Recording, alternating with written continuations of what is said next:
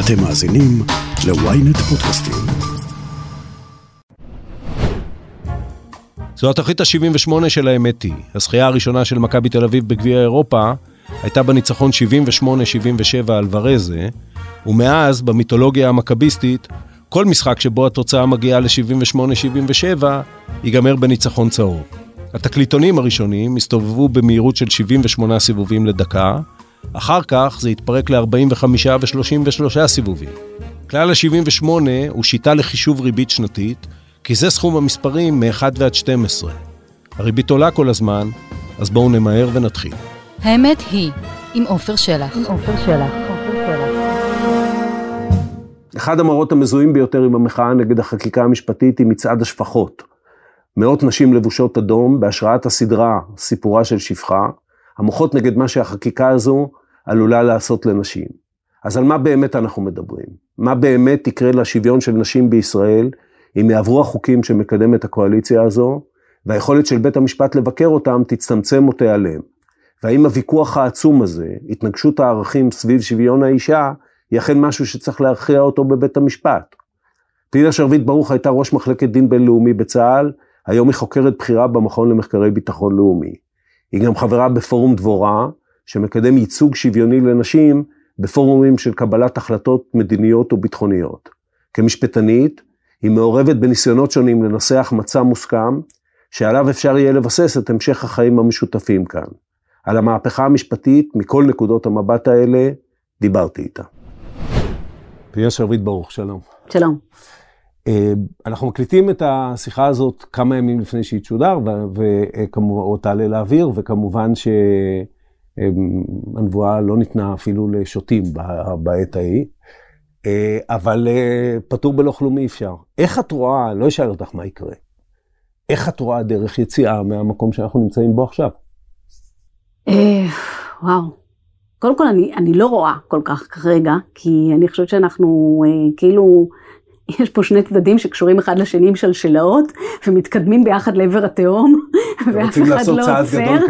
כן, בדיוק, וברגע שאחד אה, ייפול, גם השני ייפול. זאת אומרת, אנחנו אה, בהחלט, אה, זה כמו תאונה שאני רואה שהולכת להתרחש, ואי אפשר איכשהו לא, לעצור אותה. אני אגיד משהו אחד, זאת, כן. אני אגיד משהו אחד, התחושה, לפחות שלי, היא שנכון לעכשיו שני הצדדים כמעט רוצים לקפוץ לתהום, נכון, יש איזו הנחה. אה, ואני אתחיל ואומר, אני בעד המחאות, אני נגד הרפורמה, אבל עדיין, כשאני מדברת עם האנשים שם, אני אומרת להם, מה אתם חושבים שיקרה? זאת אומרת, מה... ו... והם לא יודעת, באמת חושבים שאנחנו, לא יודעת, נפיל את הממשלה, נשנה את כל הזה, נכניס עכשיו, סוף סוף יהיה לנו את כל זכויות האדם והכל, ו... חוקה, וחוקה, כן. ו... והליברליזם ישתלט על כל המדינה וננצח, אבל...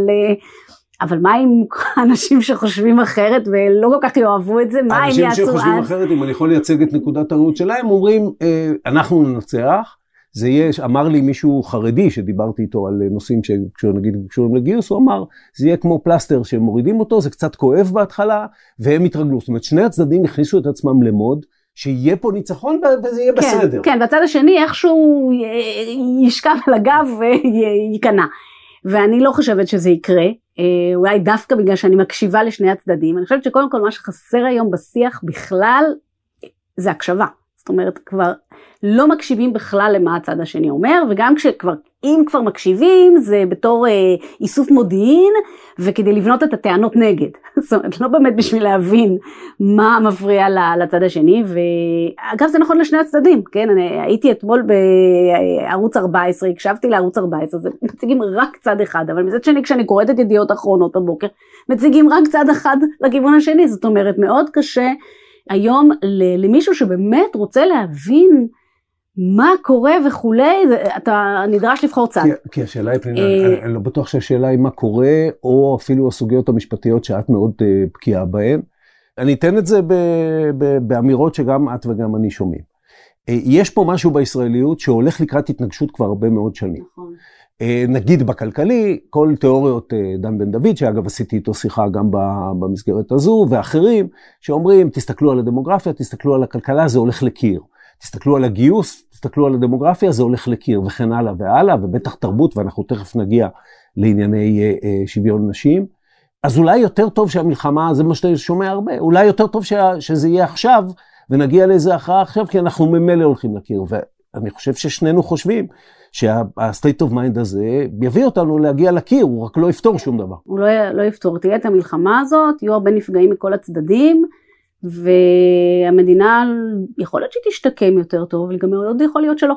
זאת אומרת שזה פשוט יהיה השבר שאחר כך ב- ב- בהיסטוריה בעוד אה, כמה עשרות שנים יגידו וואו, הנה סופה של התחלת הסוף. כי גם יש לנו אויבים, צריך לזכור מבחוץ, זה לא שאנחנו גם נמצאים פה רק על איזה אי ובסוף אה, נסתדר אה, לפה או לשם. אה, החולשה שלנו היא בהחלט יכולה לשחק לטובת האויבים שלנו שמחכים לחולשה שלנו. אז אני מאוד מודאגת. אני חושבת שמה שחסר, ניסיתי ככה לחדד, דווקא כשמאל בזמן שהקשבתי לכל הערוץ 14, חשבתי מה חסר, חסר היום ממלכתיות, ממלכתיות ממלכתיות, אני חושבת שמה שאנחנו רואים, אגב אני אתחיל דווקא מחו"ל, כן, כשטראמפ עלה לשלטון, אחד הדברים שהיו מאוד מאוד חסרים, תמיד הנשיא האמריקאי שנבחר אומר, נכון שבחרו בי הצד אחד, אבל אני הנשיא של כולם. כן. מה שאגב ו... בנימין נתניהו אמר. כן, רגע, ו- אמר. ו- וטראמפ לא אמר את זה, כן. וגם לא התנהל ככה, אלא הוא הפך להיות הנשיא רק של צד אחד, וביידן, אה, כשהוא עלה לשלטון אז הוא הדבר הראשון שהוא אמר וכל הזמן נורא ניסה להדגיש אני הנשיא של כולם אני הנשיא של כולם אבל נשבר שם איזשהו אמון בתקופה של טראמפ שכבר לא מאמינים לו למרות שאני באמת חושבת שהוא מתכוון לזה. ואני חושבת שמה שקרה פה אני חושבת שנתניהו לאורך השנים אני לא הצבעתי לנתניהו אף פעם אבל אני הרגשתי שהוא ראש הממשלה גם שלי. זאת אומרת שהוא דואג בסך הכל לטובת המדינה והוא דואג גם למי שלא הצביע לו זאת אומרת ולטובתו בגדול כן אה, נושאים אידיאולוגיים מסוימים שבהם באמת יש את הפער.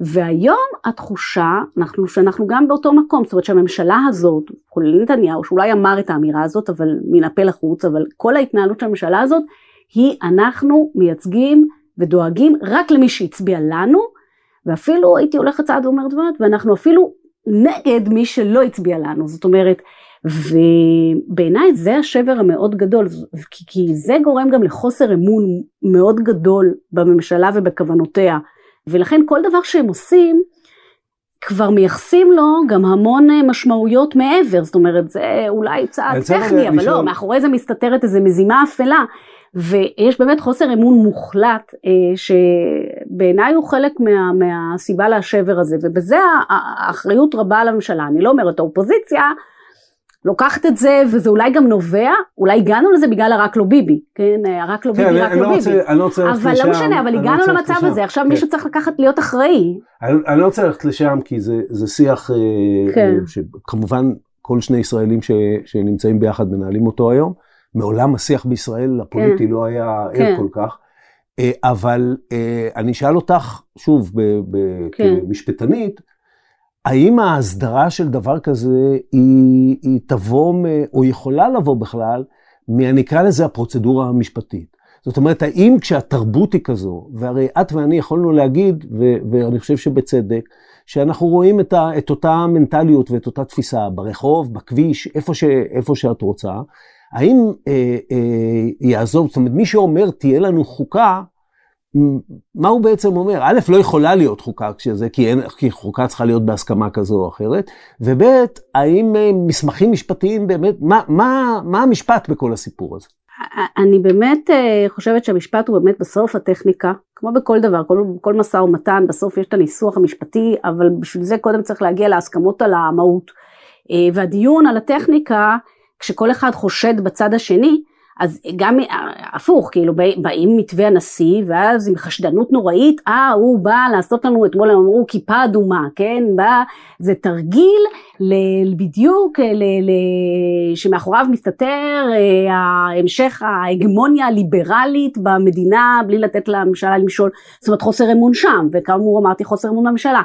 אה, ולכן אני חושבת שהשיח היותר עמוק, ואני השתתפתי בסבבים של שיח שלום, כן, שזה קבוצה באמת אה, של כמה, אה, שלושה אנשים שלקחו ומביאים אנשים מימין ומשמאל, דתיים חילוניים, לשיח עמוק של הקשבה. כן. זאת אומרת הדגש שם הוא על הקשבה. ושם באמת אנחנו מגיעים להבנות ול... לאיזשהו עומק של דיון שמאפשר קצת להבין גם מה, מה הצד השני מרגיש ואיפה החששות. וכשמבינים מה החששות מה האינטרסים גם במשא ומתן א' ב' בוא נבין את האינטרסים של שני הצדדים ונראה מה שני הצדדים יכולים לחיות. שני הצדדים צריכים להתפשר. אני אתן דוגמה בנושא שקרוב לליבי נושא מעמד הנשים. כן. הרי אחד הדברים שלא רואים אנחנו מצאו זה רק אה, מוקלטים אבל אני לובשת אדום. לובשת אדום בזמן האחרון כל הזמן כי הנושא של מאבק הנשים הוא מאבק שהוא כבר הרבה מאוד שנים הנשים מרגישות שאין להן מספיק שוויון וצריכות להיאבק. אבל מהצד השני יש כאלה שחושבים שהנשים מגזימות וה, ומנסות אה, ולקחת אה, אה, עוד זכויות על חשבון תפיסות דתיות ושמרניות ולפלוש גם למקומות של, ה, של, ה, של הקהילות האלה שיש להם תפיסות אחרות לגבי גברים ונשים. עכשיו כשאני דיברתי למשל עם אחד הרבנים באותו שיח שלום ואני ככה הצגתי את החשש שלי, את ה, ש, שהממשלה, כשאני מסתכלת על הממשלה הזאת, כן, יש בה שתי מפלגות, ש"ס ויהדות התורה, שבהגדרה לא מכניסים נשים. עוד מפלגה, כן, הציונות הדתית, יש שם את נועם של נשים מקומן במטבח וללדת. ועוד מפלגה הליכוד, שיש שם מעט מאוד נשים, וחלקן ממש, ממש לא רק אנטי פמיניסטיות, אנטי נשים, אבל הייתי אומרת, זה, זה כמו יהודים אנטישמים בעיניי, נשים שהם אנטי נשים. זאת אומרת באמת חושך בעיניים.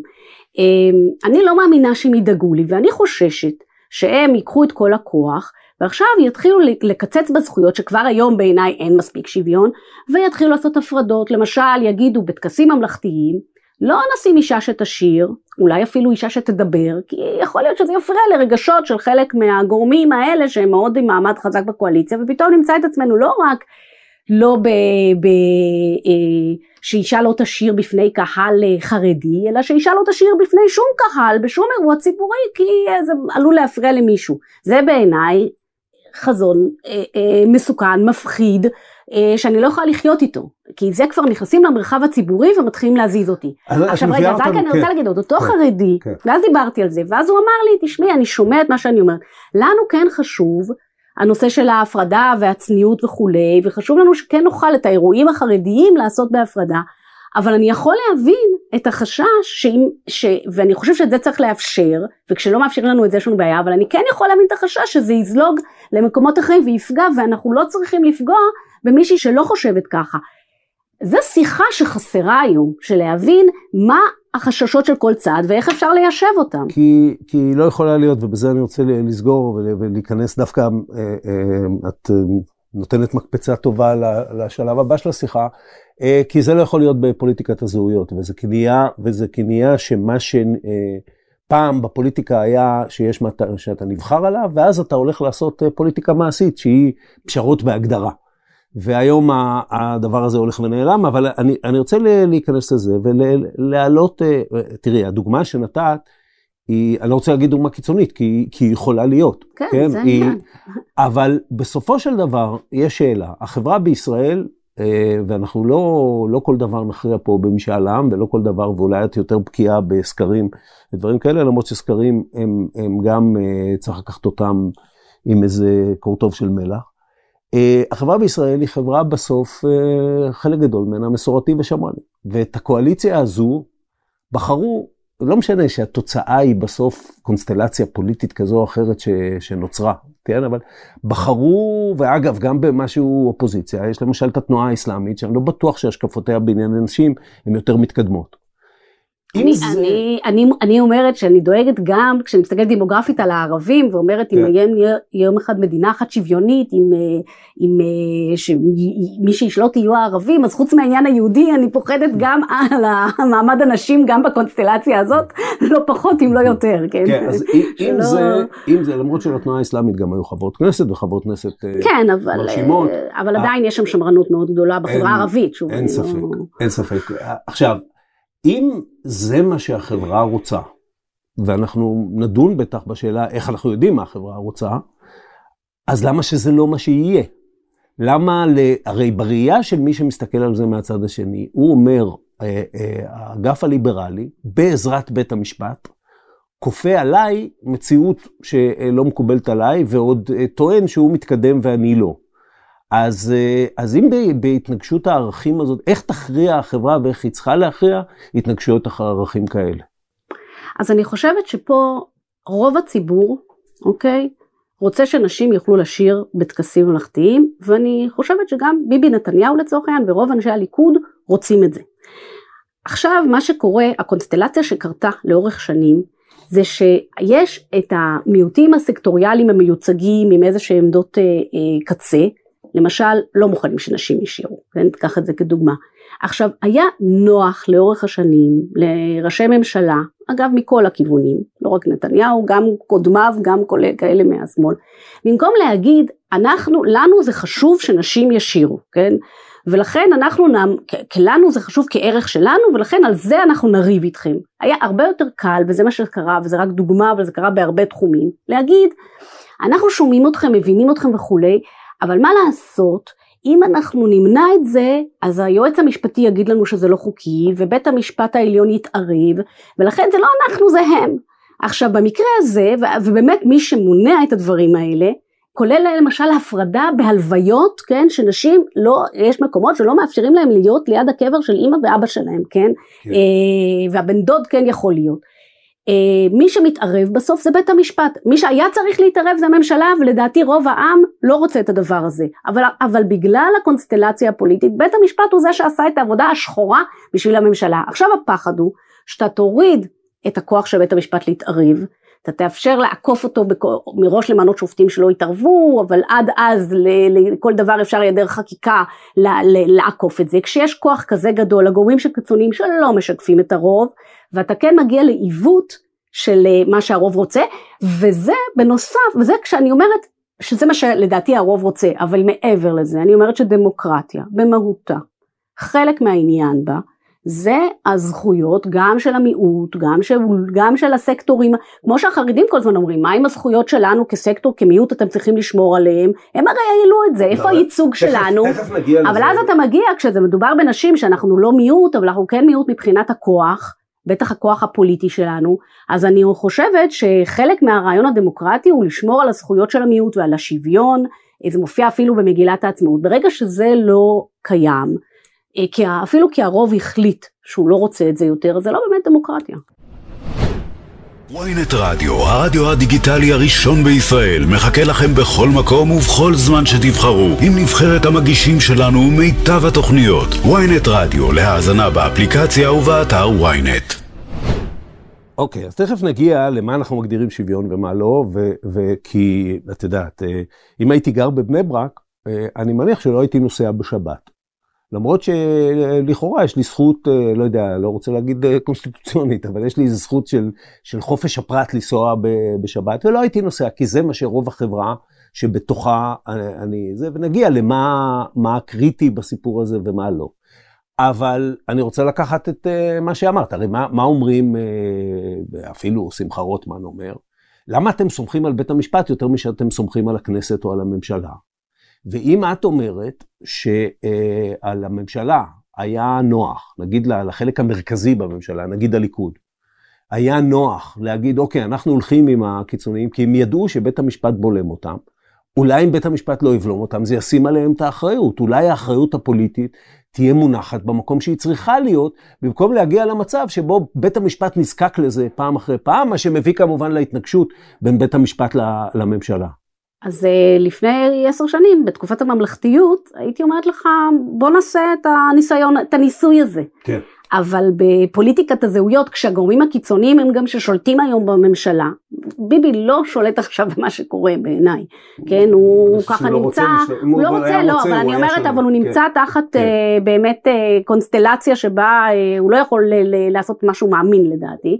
אה, בקונסטלציה הזאת שלמיעוט קיצוני יש כל כך הרבה כוח, זה לא באמת, אה, אה, ואפילו ובאופן כללי למיעוטים שאין להם ייצוג, כן המיעוט הערבי למשל, כן נשים עוד איכשהו יש גם בליכוד, כן, אני חושבת שבמקרה הזה לתת, לסמוך על הממשלה שהיא תדאג, עוד פעם, להסתכל בממשלה הזאת, מוכיח לי שזה ניסוי מאוד מאוד מסוכן. אני אקח מקרה, נושא עוד יותר שלכאורה אמור להיות בשיא הקונצנזוס, כן? הנושא של אלימות נגד נשים במשפחה, כן? כן.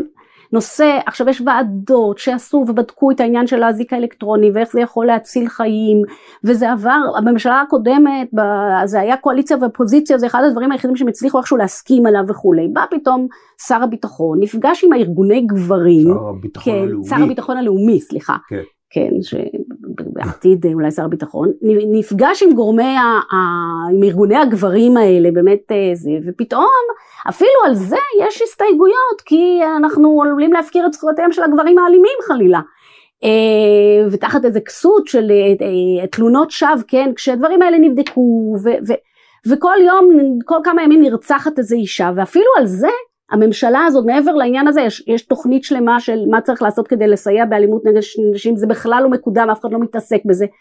גברים באופן כללי אני מצטערת לומר לא ממש הנושא של מעמד נשים והגנה על נשים זה לא בראש סדר העדיפויות שלהם כל פעם שיש דיונים על הדברים האלה בכנסת בכל מקום אתה רואה הקהל 90% נשים אם לא 95% וכמה גברים כזה סמליים חלקם להט"בים אז זה באופן כללי ובממשלה הזאת כמו שאמרתי קודם הנושא הזה בכלל לא מעניין אותם, ההגנה על נשים לא מעניינת אותם, אז אני לא יכולה לסמוך עליהם, כן? אני לא... אז זה, בואי, זה בואי, ננסה את, להגדיר, את בואי ננסה להגדיר את uh, ערכי הליבה. כן. ונצא מנושא שמוכר לשנינו היטב, וזה הנושא הצבאי. אה, אני אישית חושב שבג"ץ אליס מילר הוא נקודת מפנה בישראליות. עכשיו, צר לי אפילו שזה נקודת מפנה בישראליות, לא בגלל שאישה זכתה לזה שהיא תוכל להיות בקורס טיס, אלא בגלל שהייתי רוצה שהישראליות לאו דווקא תוגדר על ידי מי שהולך לקורס טיס, אבל הישראליות היא מה שהיא, לא את ולא אני נשנה אותה בהקשר הזה, ואין לי ספק בזה. עכשיו, מה, מה הטיעון כנגד, או עכשיו בג"ץ הלוחמות שרוצות ללכת לסיירות, וכן הלאה. הטיעון הוא, אה, אה, הצבא תפקידו לנצח במלחמה, ותפקידו, ואת ואני עוסקים בזה הרבה מאוד, גם להיות יעיל בהקשר הזה, זאת אומרת, אם אנחנו מקצים לו ככה וככה משאבים, בכסף, בכוח אדם, במה שלא יהיה, אה, תפקידו הוא לייצר את מכונת המלחמה הכי יעילה. תפקידו לא לקדם ערכים חברתיים, בין אם הם מוסכמים ובין אם הם שנויים במחלוקת.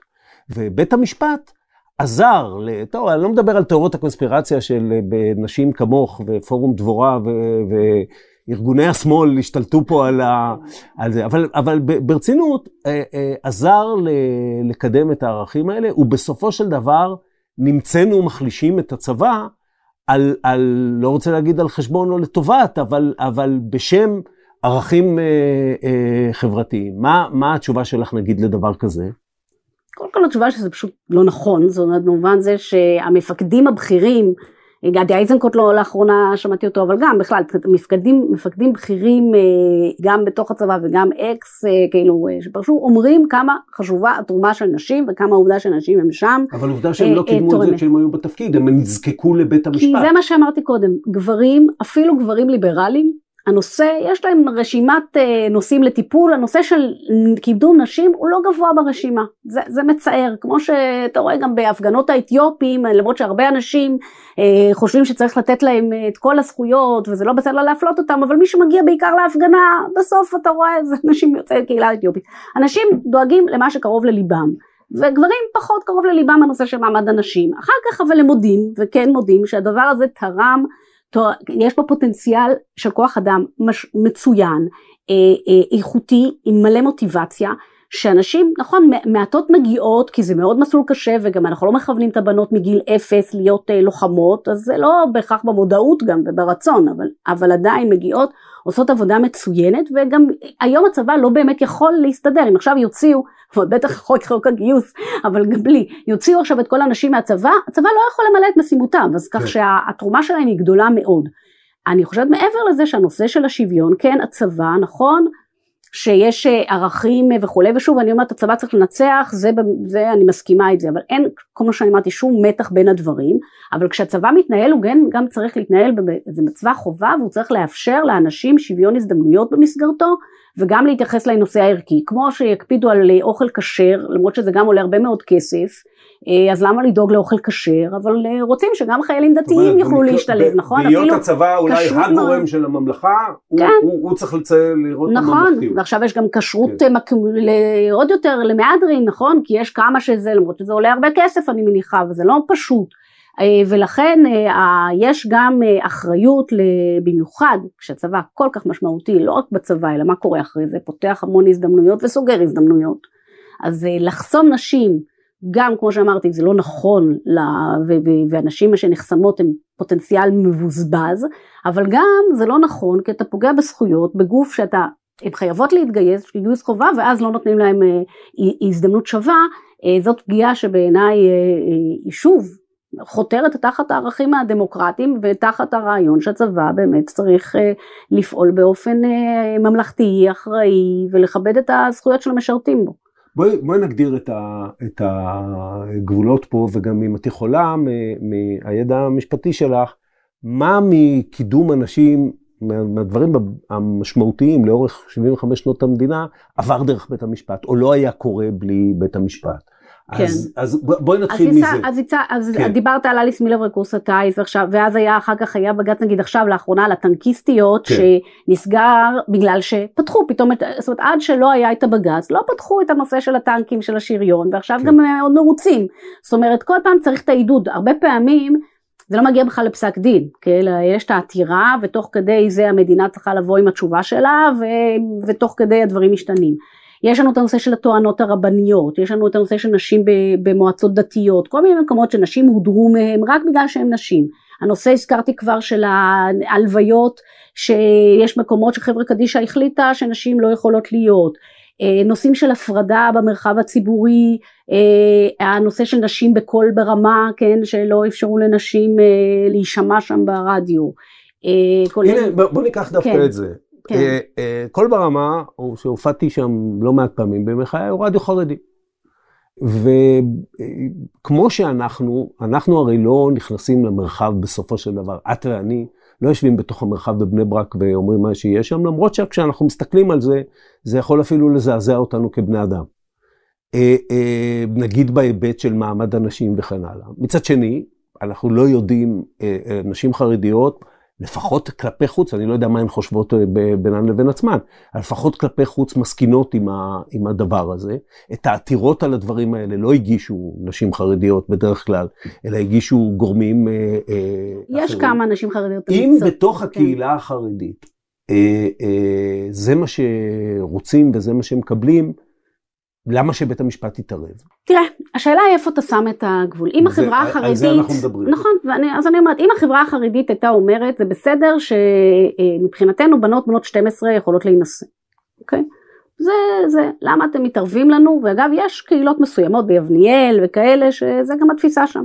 למה אתם, הבנות מבחינתם, הן חיות, זה החיים שלהם, זה, זה, למה אתם מתערבים לנו? ואומרים לנו ש, שהן לא יכולות להינשא לפני הגיל הזה, או אה, לא, להינשא שני, שתי נשים, כי כן, יש נורמה משפטית במדינת ישראל. שנועדה להגן. אבל למה? אבל למה, למה אתה לא, לא מתחשב וכולי? לא, אז אני אומרת לא, אבל, אבל לכן אני אומרת, אני מתחילה עם הקצה, זה לכאורה בקצה. נכון. אוקיי? עכשיו אני אומרת, עכשיו הנושא של אין תמונות, משחירים את התמונות של נשים, לא מאפשרים אה, זה, כי אה, אישה היא פיגוע צניעות. כן, אה, אגב כל הנושא הזה של ההשתקה של נשים, שלא ישמעו נשים, שלא יראו נשים, יש בזה משהו באמת מאוד מאוד בראיתי כאישה מאוד מאוד משפיל, כי, כי למה זה בא? זה בא מהמקום שאישה, שאם רואים אישה או שומעים אישה, זה מעורר את היצר ומבלבל את הגברים, זאת אומרת זה לגמרי אובייקטיביזציה והסתכלות על האישה כאובייקט מיני, זאת אומרת זה בעיניי כמו פורנוגרפיה מבחינת ה... האופן שבו זה רומס את הכבוד של הנשים, אבל זאת הראייה החילונית שלי, אני מודה. אבל אני יכולה להגיד לך שהרבה מאוד נשים חרדיות לא רוצות, גם כשיש הפרדה, עושים הפרדה, אבל תמיד הגברים הם מהכניסה הראשית והנשים הם מהכניסה האחורית ליד הפחים. הגברים בתחילת האוטובוס, הנשים בסוף האוטובוס. זאת אומרת, זאת לא הפרדה, הפרדה זאת הפרדה שתמיד הנשים והזכויות שלהם נרמסות מול הזכויות של הגברים. ואני חושבת שיש למדינה אחריות גם כלפי הנשים החרדיות, ש...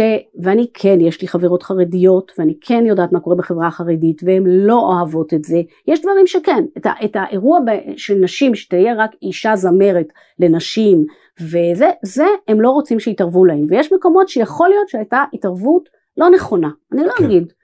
אבל בדברים האלה שבהם ההפרדות הן תמיד על חשבונם ותמיד דופקים אותן, הן לא רוצות את זה.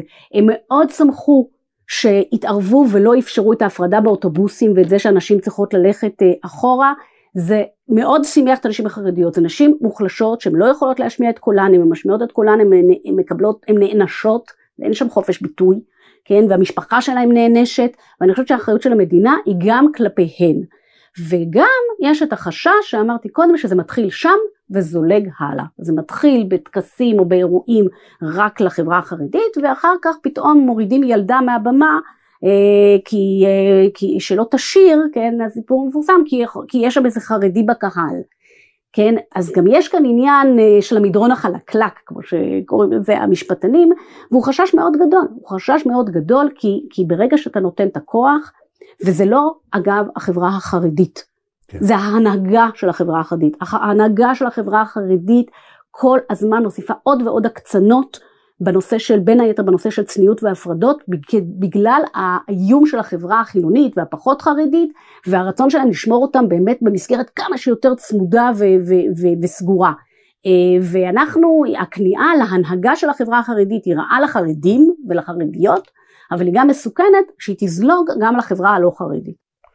האם כתוצאה מזה, כי, כי מחאת, ה, למשל מחאת השפחות, מה שנקרא, כן. היא, היא אחד הפנים הכי מוכרות של המחאה הזאת, בין השאר בגלל האימג' המאוד חזק, הוויזואלי של הנשים שהולכות באדום, וגם... אחותי מ, שם גם. מי, מי לא ראה את ה... או לא ראה את הסדרה, או ראה את התמונות מהסדרה, זה מובן, זה גם מאוד משתקף בתקשורת הבינלאומית. את רואה את זה בסופו של דבר משנה תודעה גם בחברה הכללית? אני חושבת, אני בכמה מהקבוצות של ארגוני הנשים, ויש שם כמובן הרבה מאוד חרדה וחשש ולחץ, אבל יש גם היום איזשהו, מדי פעם מישהי אומרת, וואו, אף פעם לא התייחסו לנושאים האלה, זה תמיד היה בשוליים, כולל האלימות נגד נשים, שהיה אפשר להביא איזה גבר שיגיד על זה משהו, זה שזכויות אה, שוות לנשים, החשיבות של ייצוג נשים, עד שהיה אפשר להביא איזה גבר, כמו שאמרתי, זה היה נשים מדברות עם נשים מול נשים. פתאום הגברים התחילו להתעניין, פתאום הגברים הבינו שאם דוחקים החוצה... או שעכשיו זה משרת אותם, משרת אותם, לא משנה. ותכף זה יעבור. נכון, לא משנה, אבל יש כאלה כן. שמקוות שזה משרת אותם, והעיר אצלם איזושהי מודעות לזה שהיום זה הנשים, מחר זה הגברים אה, הליברליים. אה, או אני לא יודעת, או סתם אה, הבינו שזה נושא חשוב בפני עצמו, אבל בלי קשר יש איזה, לכן יש פה איזה משהו שזה שם את זה במרכז יותר, במקום, במקום יותר מרכזי בשיח, וזה אולי, אה, אולי איזשהו תוצר חיובי של הדבר הזה, אבל החשש הוא מאוד גדול, ואני אומרת מבחינת, ואנחנו מכון למחקרי ביטחון לאומי, כן, בסופו של דבר אני יכולה להגיד שאם באמת המדינה תגלוש למקום שבו מכרסמים בזכויות הנשים, כבר היום זה לא שאנחנו שוות והמצב השוויון פה, אנחנו לא פינלנד וסקנדינביה, יש לאן להתקדם מבחינתנו, כן. אבל אם המשמעות תהיה להזיז אותנו אחורה, עשרות שנים אחורה, לזה שנשים עוד פעם יהיו בצד ויהיו מופרדות ויהיו מודרות ולא יקבלו שוויון הזדמנויות ולא יהיו מיוצגות, ממשלות שימשיכו להיות כל כך הרבה גברים, בלי אף מנכ"לית אישה, חוץ מזה אחת, אני חושבת שאני לא יודעת אם היא שורדת המינוי שלה, אבל אז אה, נרגיש שהמדינה הזאת לא, אם אני ארגיש שהמדינה הזאת לא מתייחסת אליי, אין לי באפשרות לממש את הזכויות שלי, ומילא אני הבנות שלי, אז הבנות שלי ייקחו את הרגליים ויעזבו את המדינה הזאת, והחברות שלהם גם, וגם החברים שלהם, וגם הבני זוג שלהם והילדים שלהם. זה בהחלט חשש מרכזי, זה, זה משהו שהוא נוגע בחיים היומיומיים שלי בצורה הכי עמוקה. זה כמו שאני אגיד למישהו דתי, תשמע, אתה נמצא באיזה מקום שלא מאפשרים לך לאכול כשר ולא מאפשרים לך לשמור על השבת. אני חש שבאיזשהו שלב הוא יקום וילך למקום שהוא כן יכול לעשות את זה כי זה בנפשו. אז זה בנפשי. אם לא יהיה את השוויון הזה, אז אני לא אוכל לחיות במקום הזה, ואם אני אעזוב, זה לא רק אני, זה אנשים כמוני, זה חלק מהבריין דרן, כן, מהעזיבה של המשכילים, של החזקים, של מי ש, ש, שהכלכלה, של הרופאות אה, וה, והמהנדסות, של מי שהכלכלה מאוד, אה, והמהנדסים, בני הזוג גם, אה, שהכלכלה מבוססת עליה, ואני חושבת שזה סכנה מאוד גדולה באמת לעתיד המדינה. את פה, וזה לקראת סיום, את פה בין השאר עוסקת בהשלכות באמת של החקיקה המשפטית, המהפכה המשפטית על הביטחון הלאומי, ובמה שמדובר בו הרבה מאוד, וזה משבר חוקתי. תני לי את קווי המתאר של פניו של משבר חוקתי בהיבט של הביטחון הלאומי, על מה אנחנו מדברים? תראה, כבר אה, שמעתי ומדברים על זה, אה, היום יום ראשון, כן, אה, שמעתי שכל מיני אנשי מילואים מסוימים הודיעו שהם לא יתייצבו, כן. סייבר התקפי, מפעילי כטב"ם, כן. מערך המ"מ, כל מיני מערכים כן. מאוד מאוד מאוד מרכזיים שמבוססים הרבה מאוד על מילואים גם. אם לא, אנחנו זה, נגיע, זה תנאי המחאה, לא, זה, לא זה המחאה, חוקתי. אבל זה מתחיל כאילו לחלחל לתוך צה"ל. עכשיו השלב של משבר חוקתי זה יכול להיות שבו הממשלה אומרת א', בית המשפט אומר זה פסול, הממשלה אומרת למרות זאת אני עושה את זה, המחוקקת חוק ועושה את זה, לא משנה את הקונסטלציה המדויקת, אה, ואז הרמטכ"ל, המפכ"ל, אה, ראש השב"כ, אה, השב"ס, לא יודע, צריכים להחליט למי הם מקשיבים. כן. למי הם מקשיבים. זאת אומרת, לאו דווקא, ו... כמו שהם אה, עושים את זה הרבה בציור תקשורתי, אם בית המשפט יפסול את החקיקה הספציפית הזאת, אלא משהו שנגזר. נכון. ו- וברגע של בית המשפט, נגיד אה, הנחיה, לא יודע מה, שמגיעה הרבה לבית המשפט, לא יודע, לאיזה מעשה ביטחוני, להרוס בתים, או, כן. או לזה, אפילו במקרה יותר זה, כן? יגידו כן? אה, לשב"ס, תשללו לגמרי זכויות של אה, אסירים לטיול מחוץ ל... שישארו כל היום בתאים. כן. כן, אה, האסירים הביטחוניים לא יצאו לנשום אוויר צח, ואני יודעת, תקצצו להם, אה, לא יהיה להם בכלל אה, זכות לשום, אפילו לעיתון, לשום קשר חיצוני, משהו שבית המשפט יגיד, זה לא סביר, זה מוגזם, זה פגיעה מוגזמת בזכויות. ועכשיו השב"ס צריך להחליט, הוא מקצץ את הזכויות או נותן את הזכויות, כן? כן? אז השב"ס זה בתוך הכלא, עכשיו תחשוב שזה הרמטכ"ל, שאומרים לו שני דברים מתנגשים, הוא המפכ"ל, אה, למי הם יקשיבו? סליחה, ממה מתוך החקיקה הנוכחית זה נוגע לביטול עילת הסבירות? זה הרי לא נוגע לוועדה למינוי שופטים או אפילו ליכולת לפסול חוקים, זה לא חייב להיות בחקיקה, את מדברת על הוראה מינהלית. ש... ש... כן, אבל זה יהיה יותר קשה אם היא תהיה מעוגנת בחקיקה. זאת כן. אומרת, אם, אם יעשו את זה בתוך חקיקה, אז אה, לכאורה אה, הממשלה, גם כרגע ברפורמה, ופה אולי כן צריך להגיד איזה תפירת הרגעה, לא מדברים על ביטול הביקורת השיפוטית על הממשלה. כן. שמדובר על צמצום עילת הסבירות, אבל כן. אה, פגיעה בזכויות ואפליה ושיקולים זרים וכולי, חוסר סמכות, עדיין שם. כן. ולכאורה בית המשפט זה יותר החשש אם אה, כשיחליפו את השופטים, זה החשש, וישימו שופטים מטעם וכולי, אז הם לא יתערבו גם בשום דבר שהממשלה תעשה, אה, וזה מעבר לעניין הסבירות. אבל זה כל עוד השופטים של עכשיו זה לא משהו שיקרה מחר. אה, ולכן כאן במקרה כזה אה, גם עשינו איזשהו מין סיור מוחות במכון, אם יש אה, הוראה, נתנו דוגמה של גירוש בני משפחה. עובר החוק, מוציאים צו גירוש במשפחה של משפחה של מחבל רק כי הם נגיד התאבלו עליו, כן, על סמך החוק, ובית המשפט אומר זה לא סביר, אה, אז במקרה הזה זאת החלטה מינהלית, כן, השר, אומנם מכוח חוק, בית המשפט אומר שלא, אמרו במקרה כזה זה יחסית קל, המפכ"ל למשל לא, יעשה, לא יעצור אותם כן. והרמטכ"ל לא יגרש אותם, אה, כי אה, יש הוראה של בית המשפט והיא גוברת. אבל אם עכשיו בחוק יעשו משהו שהוא בחוק אומר איזושהי גריעה של זכות ואם ינסו לממש את החוק ובית המשפט יגיד החוק לא חוקתי, לא רק הפעולה לא סבירה, אז לכאורה יש לנו הוראות סותרות אה, או שהם יגידו ההוראה לא סבירה כי החוק לא סביר ואז הם יגידו אנחנו מתעלמים כי אנחנו לא מקבלים את זה שהחוק לא סביר, לא, שהחוק לא חוקתי.